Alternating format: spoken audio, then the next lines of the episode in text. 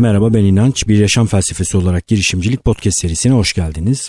2020'ye çok yaklaştık. Artık yıl sonundayız.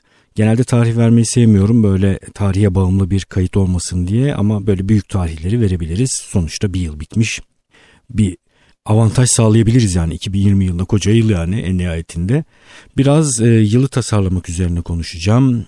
Kendimden bir takım güncellemeler paylaşacağım. Böyle e, keyifli bir e, kayıt olması için elimden geleni yapacağım.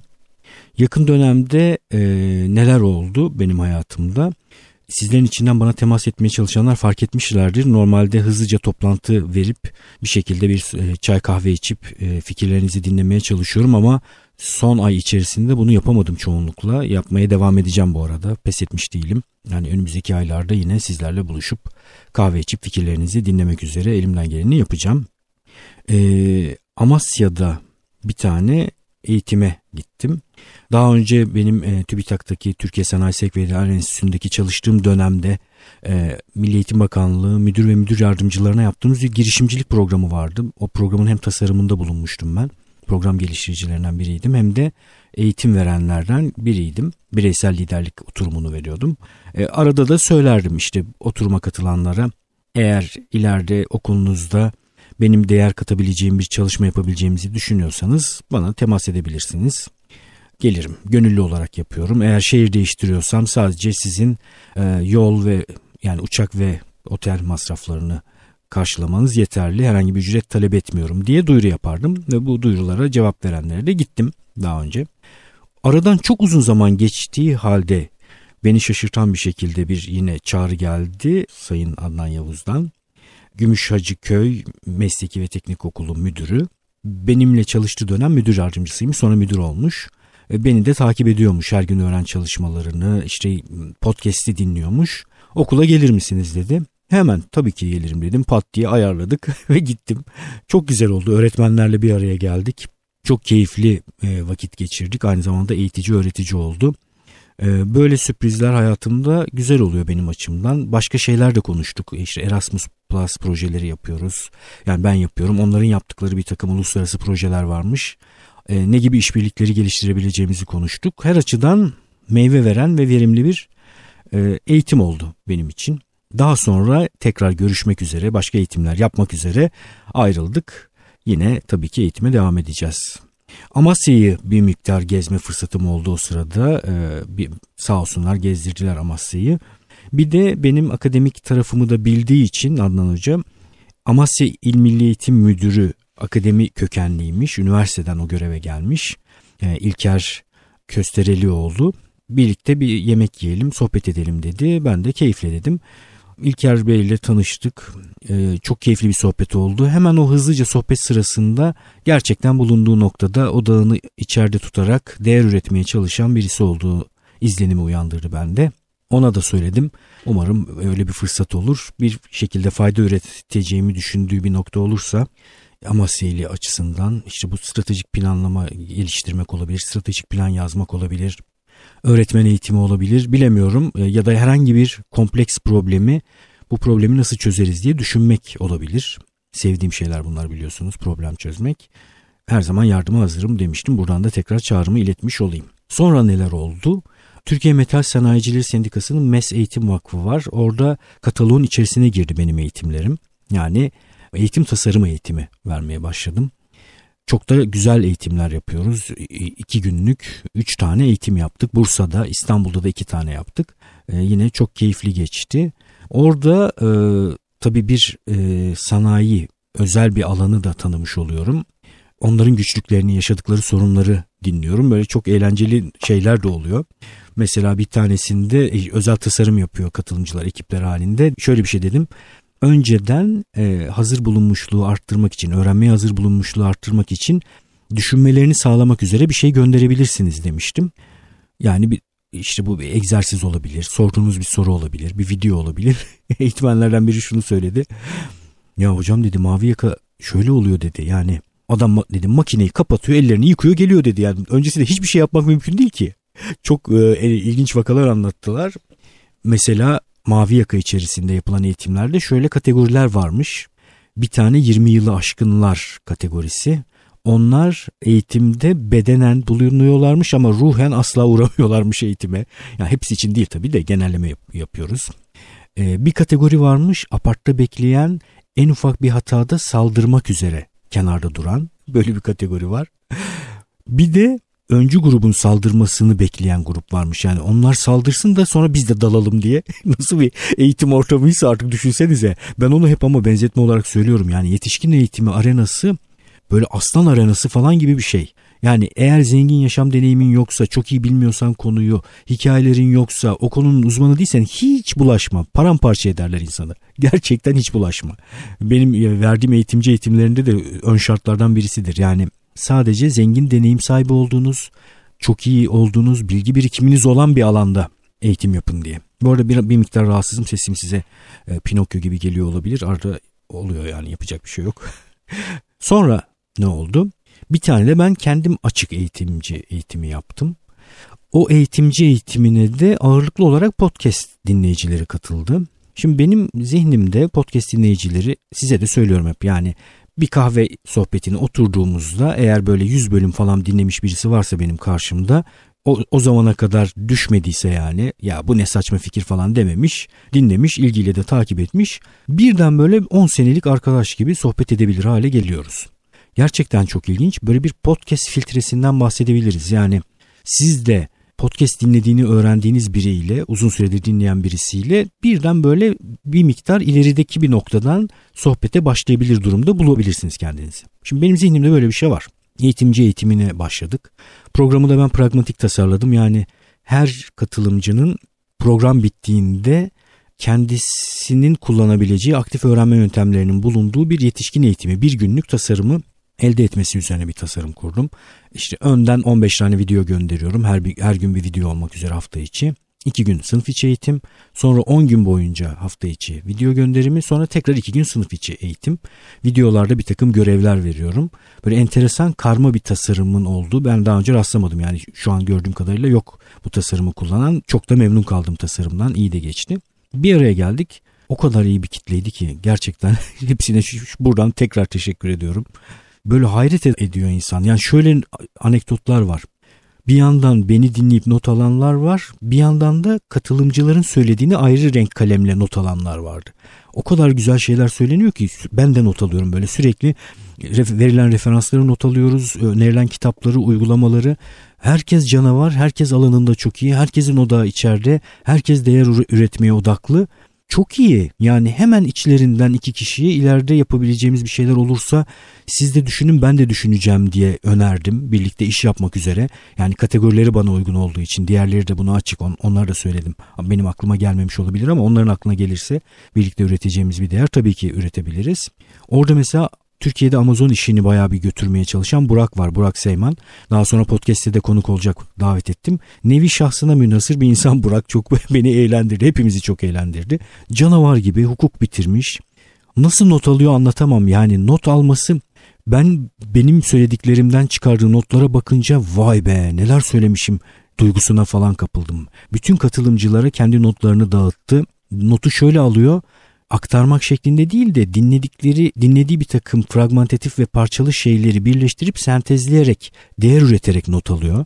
Zaten hukuku bitirirken de zihin haritaları kullanarak notlar tutmuş bayağı iyi not tutan bir insanmış. Not tutamasa rahat edemiyor zaten. Burak mesela bir ara sohbet ederken şunu söyledim. Dedim arada podcast dinleyenlerle birlikte iş yapma imkanı oluyor mu? Çünkü bir sürü insanla projeler nedeniyle bir araya geliyor Burak. Yakın dönemde biriyle öyle bir şey olmuş. Dedim bütün fikirlerle hem fikir miydiniz? Yani podcast'te anlatılan fikirlere konusunda. Bazı durumlarda bazı insanlar bazı fikirleri tutmuyorlar dedi. Mesela dedim işte odak meselesinde ne diyorlar dedim. Ya işte hep de öyle olmuyor ama şöyle olduğu durumlarda oluyor falan diye böyle bir şeyler söylüyorlarmış. Peki sen ne yapıyorsun Burak dedim. Valla dedi bir tane dedi ortaklık yapma ihtimalim olan kişi vardı dedi. Biraz böyle izah etmeye çalıştım baktım anlamıyor. Ortaklıktan vazgeçtim dedi. Çok güzel değil mi ya? Aynı şeyi yapardım. Çok net söyleyeyim yani karşısına geçip bir de izah ederek odak meselesini anlatıyorum. Aktüel potansiyeli anlatıyorum. Kaynak meselesine nasıl bakılacağını anlatıyorum ve karşımdaki kişi de böyle net bir şekilde berrak bir şekilde anlattığım halde bana argüman geliştirmeden ya ama şöyle de falan da filan da diyor bit, bitmiştir benim için. Niye ortaklık yapayım ki? O ortaklığın batacağı hiçbir şekilde yol almayacağı en başından belli zaten. Bu gerçekten ilginç.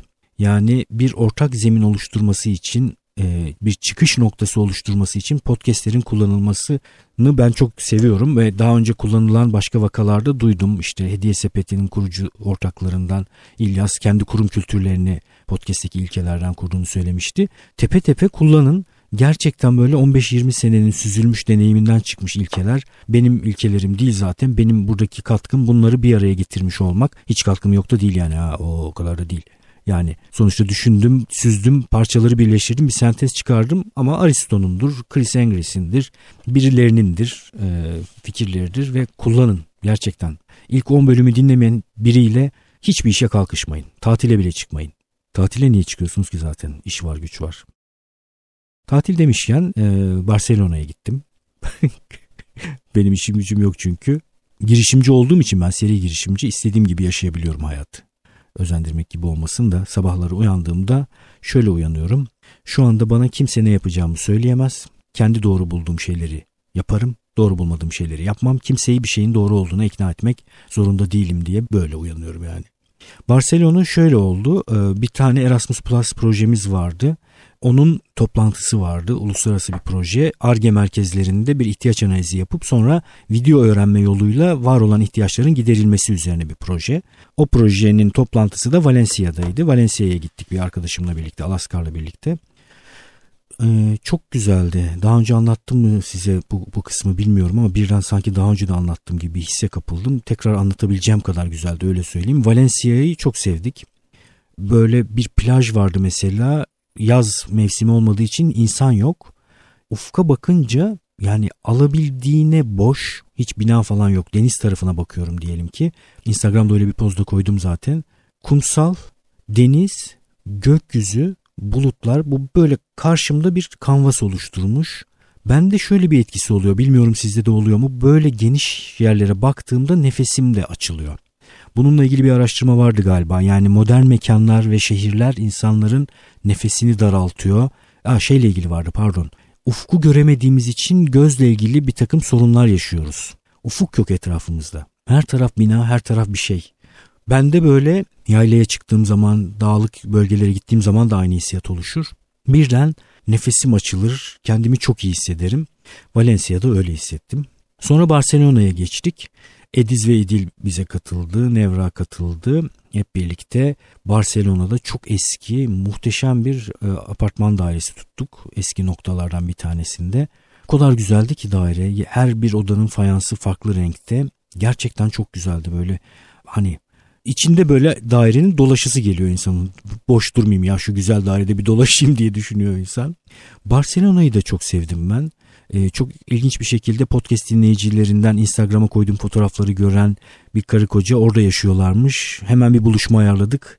E, onlarla da görüşmüş oldum. Podcast dinleyicileriyle de e, böyle fırsatlar oluştuğunda gerçekten e, kaçırmıyorum. Hemen orada bir yerde buluşup kahve içtik ve gerçekten çok keyifliydi. Barcelona içerisinde e, bu yaptığımız e, seyahat sırasında en çok dikkatimi çeken şey atmosfer, ortam oldu. Yani nasıl anlatabilirim ki? Hani şöyle bir şey vardır ya mesela bir yere göç ettiğinizde başka bir yere taşındığınızda yani ülke değiştirdiğinizde e, en ciddi sıkıntı çocukluğunuzun geçmediği bir yerdir ya orası. Yani çocukluğunuzun e, geçmediği bir yerde tekrar o duyguyu inşa etmek biraz zordur. Onun için ben mesela ürkerim yani çocukluktan itibaren içinde bulunmaya alışkın olduğum şeyin dışına çıkacağım ve o duyguyu tekrar o çocukluktaki güven duygusunu tekrar inşa etmem gerekiyor. Bana zor gelir diye düşünürdüm. Barcelona şöyle geldi bana. Benim çocukluğum Beyoğlu'nda geçtiği için Galata, Tünel, İstiklal Caddesi ve oradaki mimari atmosfer benim ruhuma işlemiş adeta. Barcelona bunun büyük ölçekli bir versiyonu. Yani bilgisayarda sürükle bırak vardır ya bizi sürükle bırak Barcelona'ya. Direkt hayatımızı orada sürdürebiliriz. O kadar sevdim. O kadar kendimi yuvamda hissettim. Ee, Gökhan ve Esra yani e, Barcelona'daki podcast dinleyicileri Gökhan ve eşi Esra çok iyi karşıladılar. Barcelona'dan da biraz söz ettiler oradaki yaşamdan. Yani ileride bir orada bir, bir postdoc olabilir, ikinci bir doktora olabilir, bir şeyler niye yapmayayım diye böyle düşünmedim değil. Belki de olabilir. Bakalım böyle bir şey yapar mıyım? Ama en nihayetinde şöyle toparlayayım. Daha deniz tarafını görecek vaktimiz olmadı. Çünkü oraya kadar gidemedik. Vaktimiz yoktu ama deniz tarafını görmeden bile Barcelona benim e, kendimi yuvamda hissettiğim dünya üstündeki nadir yerlerden birisi haline geldi. Barcelona'ya teşekkür ediyorum sizin huzurunuzda burada. Bu e, sıralarda tabii insanlarla bir araya gelmeye ve işbirlikleri oluşturmaya çalışıyorum. Beni kendimi size anlattım biraz içe dönük bir insanım ve e, az sayıda insanla sıkı dostluklar kurma tercihini kullanan insan türlerindenim. Bir yandan da kendini yönetmeye çalışan da bir insanım. Yani eksik yönlerimi görüp onları yönetmeye çalışıyorum. İnsanlarla daha e, sıkı fıkı olmaya çalışmak, birlikte değer üretmeye çalışma konusunda da kendimi itiyorum açıkçası. Ve bunun da her zaman meyvesini gördüm. Yani ne zaman ki ya dur bir bir araya geleyim, şu insanın yanına gideyim, şöyle bir görüşeyim, bir toplantı yapalım dediğimde bir şeyler çıkmıştır. Yer değiştirdiğimde, hareket ettiğimde bu iyiye dönmüştür. Mesela işte Gümüşhacıköy Meslek ve Teknik Lisesi Müdürü Adnan Yavuz beni başka bir kurumla tanıştırdı. Şimdi o işbirliği sayesinde Brüksel'de STEM aktiviteleri üzerine öğretmenlere inovatif öğretim yaklaşımlarıyla ilgili böyle bir 5-6 günlük bir e, eğitim vereceğim. İngilizce olacak eğitim ve uluslararası bir faaliyet olacak. Birden pat diye 2020 takvimi içerisinde beni çok mutlu edecek, yüksek değer katan bir iş olarak yer aldı. Bu nasıl yer aldı? Ben İstanbul'da oturup hiç kıpırdamayayım demek yerine ya değer üretmek lazım. Gidelim şu Amasya'ya. Adnan Hoca'ya çağrıda bulunmuş o çağrıya pelerinimi giyerek uçarak cevap vereyim diye gitmem sayesinde olmuştur. Biraz böyle yani ben bunun doğru olduğunu düşünüyorum. Onun için sizi de sürekli itmeye çalışıyorum. İçerik üretmek ve değer üretmek üzere mümkün olduğunca hızlı davranmanızı öneriyorum. Şimdi biraz da 2020'yi konuşalım. 2019'u dinleyerek geçirmiş olabilirsiniz bu podcast'i. Daha şimdi hiç eyleme geç, şu ana kadar eyleme geçmemiş olabilirsiniz. Ya da bir takım denemeler yapıp sonuç alamamış olabilirsiniz. Bütün bu defterleri bir kenara koyalım, kapatalım. 2020 güzel bir başlangıç olabilir. Hepimiz için. Ben şimdi bununla ilgili bir atölye de yapıyorum bu arada. Duyurusunu yaptım. Belki size de ulaşmıştır. O atölyeyi de sabırsızlıkla bekliyorum. Ee, orada 2020 planlarımızı oluşturacağız. Ve en önemlisi birbirimizin nasıl planlar oluşturduğunu ve neleri hayal ettiğini göreceğiz. Bu da bize ilham verecek. Onun için heyecanla bekliyorum. Sizler de nasıl yaklaşabilirsiniz bu işe yani 2020'yi tasarlama işine? Aristo'nun mantık şemasını kullanarak.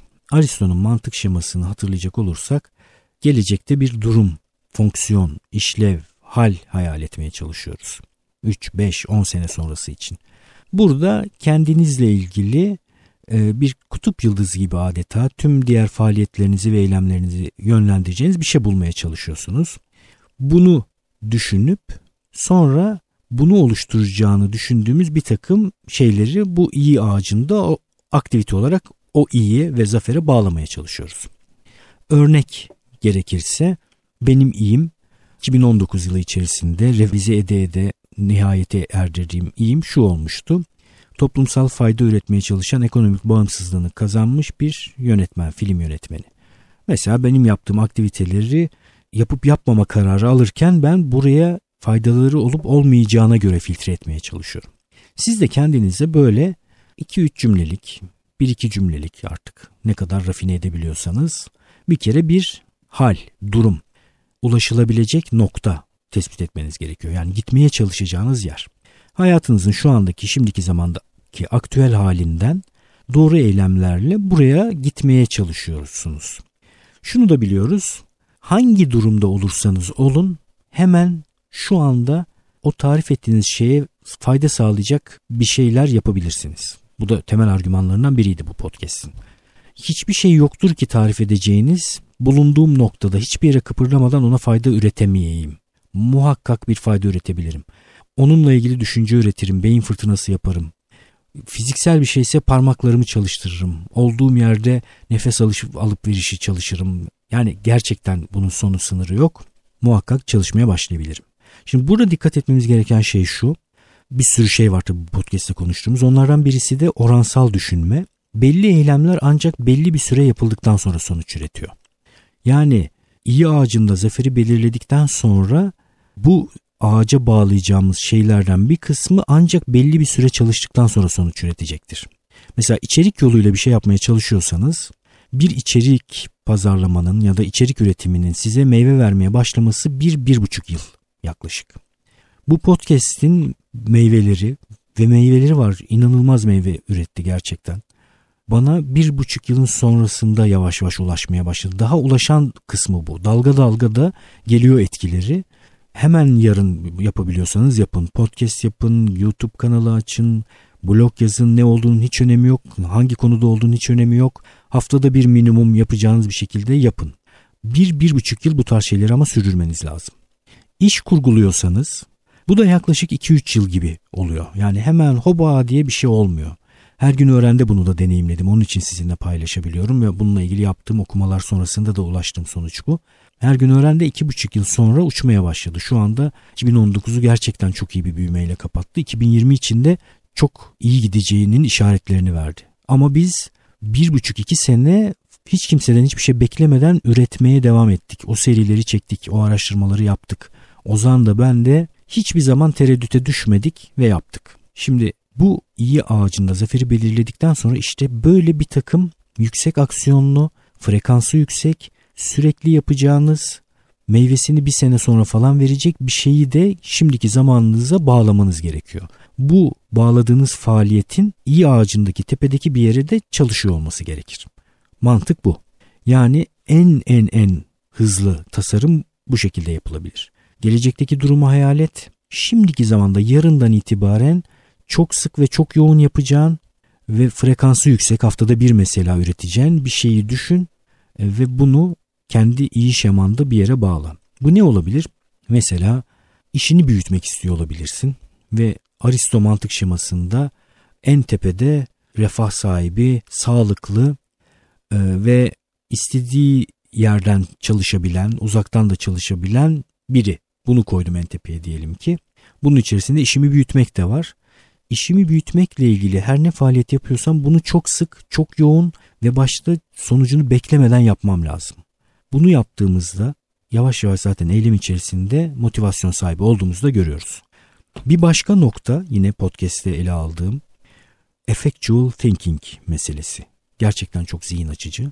Benim kendi eylemlerim içerisinde düşündükçe fark ediyorum ki örtük olarak bulunuyormuş. Ama bir şeyin adını koyup çerçevesini çizince sadece örtük olarak bulunmakla kalmıyor artık meselelere de böyle bakabilir hale geliyoruz. Onun için bu teorileştirme, bu kavramsallaştırmayı bulduğum için çok mutluyum. Effectual thinking yani etkin düşünme biçimi, girişimci düşünme biçimi. Burada da ne yapıyoruz? Aristo şemasında gelecekte tarif ettiğimiz iyi var ve bir Aristo şemasını kurguladık. Bir yandan da şimdiki zamandan bu ağaca bir şey eklemek üzere hemen kendi imkanlarımla, tanıdığım insanlarla, yapabilirliklerimle, bilgimle, becerimle hemen e, kalkışabileceğim bir girişim, bir şey buluyorum ve onu da yapmaya başlıyorum. Şuna dikkat edin, bir süre bu şeyi yaptıktan sonra bir takım sonuçlar üretmeye başlayacak. Orada uyanık olmanız gerekiyor. Yani belli bir süre üretimden sonra durup ben ne yaptım? Nasıl bir sonuç üretti bu? Ve benim Aristo şemamla nasıl bir diyalog içerisinde? Bir şey eklemem çıkarmam gerekiyor mu? Şemayı mı değiştirsem? Ya da bu yaptığım şeyi hiç yapmasa mıydım? Durdursam mı acaba? Bütün bu kararları effectual thinking kullandıktan bir süre sonra verebiliyorsunuz. Ama unutmayın biri bir düşünce biçimi yani stratejik düşünce biçimi, Aristo düşünce biçimi, diğeri diğer uç. Bu ikisini de dönüşümlü olarak kullanmak en iyi sonucu veriyor. Yani hem orta ve uzun vade kutup yıldızın olacak nereye gittiğini bileceksin ama bir yandan da şimdiki zamanda hemen harekete geçirebileceğin bir takım şeyler olacak. Biraz onlardan yapacaksın onlardan yaparken ancak bulabileceğin bir şeyleri düşünür hale geleceksin, hayal edebilir hale geleceksin. Başka türlü hiç hayal edemeyeceğin şeyleri hayal ettirecek o effectual thinking yolculuğu sana. Sonra ortaya çıkan şeylere bakıp bunu stratejinle konuşturman gerekecek, diyaloğa sokman gerekecek. Ya iyi bir şey çıktı mı? Belki çok muhteşem bir şey çıkacak ve senin bütün aristo şemanı değiştirecek. Buna da müsaade et. Kanun kural değil. Kendin yazmışsın. Değiştirebilirsin yani. Mantık bu. Bu ikisini kullanan 2010 yılı içinde Aristo şemasını oluşturan insanların 2020'sinin muhteşem geçeceğini düşünüyorum. En az böyle bir 4-5 tane çıktı da düşünün. Yani sadece şemayı oluşturmayın, üreteceği şeyleri de hayal edin. Mesela benim için kitap var, bir uzun metraj senaryo var çıktığı örnekleri olarak. Ee, 2020'de globalden para kazanmaya başlayacağım. Kendi ağacıma bunu koyacağım atölye çalışmasında. Bir oran belirleyeceğim. Yıllık şu kadar miktar, şu kadar dolar, şu kadar milyon dolar falan. Olabilir. Niye olmasın? O benim keyfime kalmış bir şey. Yani istediğim kadar atabilirim. Sonuçta seçtiğim rakamı kendim seçiyorum. Özgürüm. İstediğim rakamı seçerim ve onu da oluştururum. Bu kadar da basit bu arada. İşte kaç milyon dolarlık bir e, dış dışarıda global iş yapacağım, belirleyeceğim. Bakın bu, bu çok enteresan. Yani dünya böyle çalışıyor. Yani durduk yerde hiç kimse globalden kendisini iş üretir hale gelmiyor. Önce bunu hayal etmesi gerekiyor. Sonra bunu bir yerlere yerleştirip bu hayalin açığa çıkması için gereken eylemleri yapması gerekiyor. Ben de onları yapacağım zaten. Arada da sizinle paylaşırım global maceramı podcast içerisinde.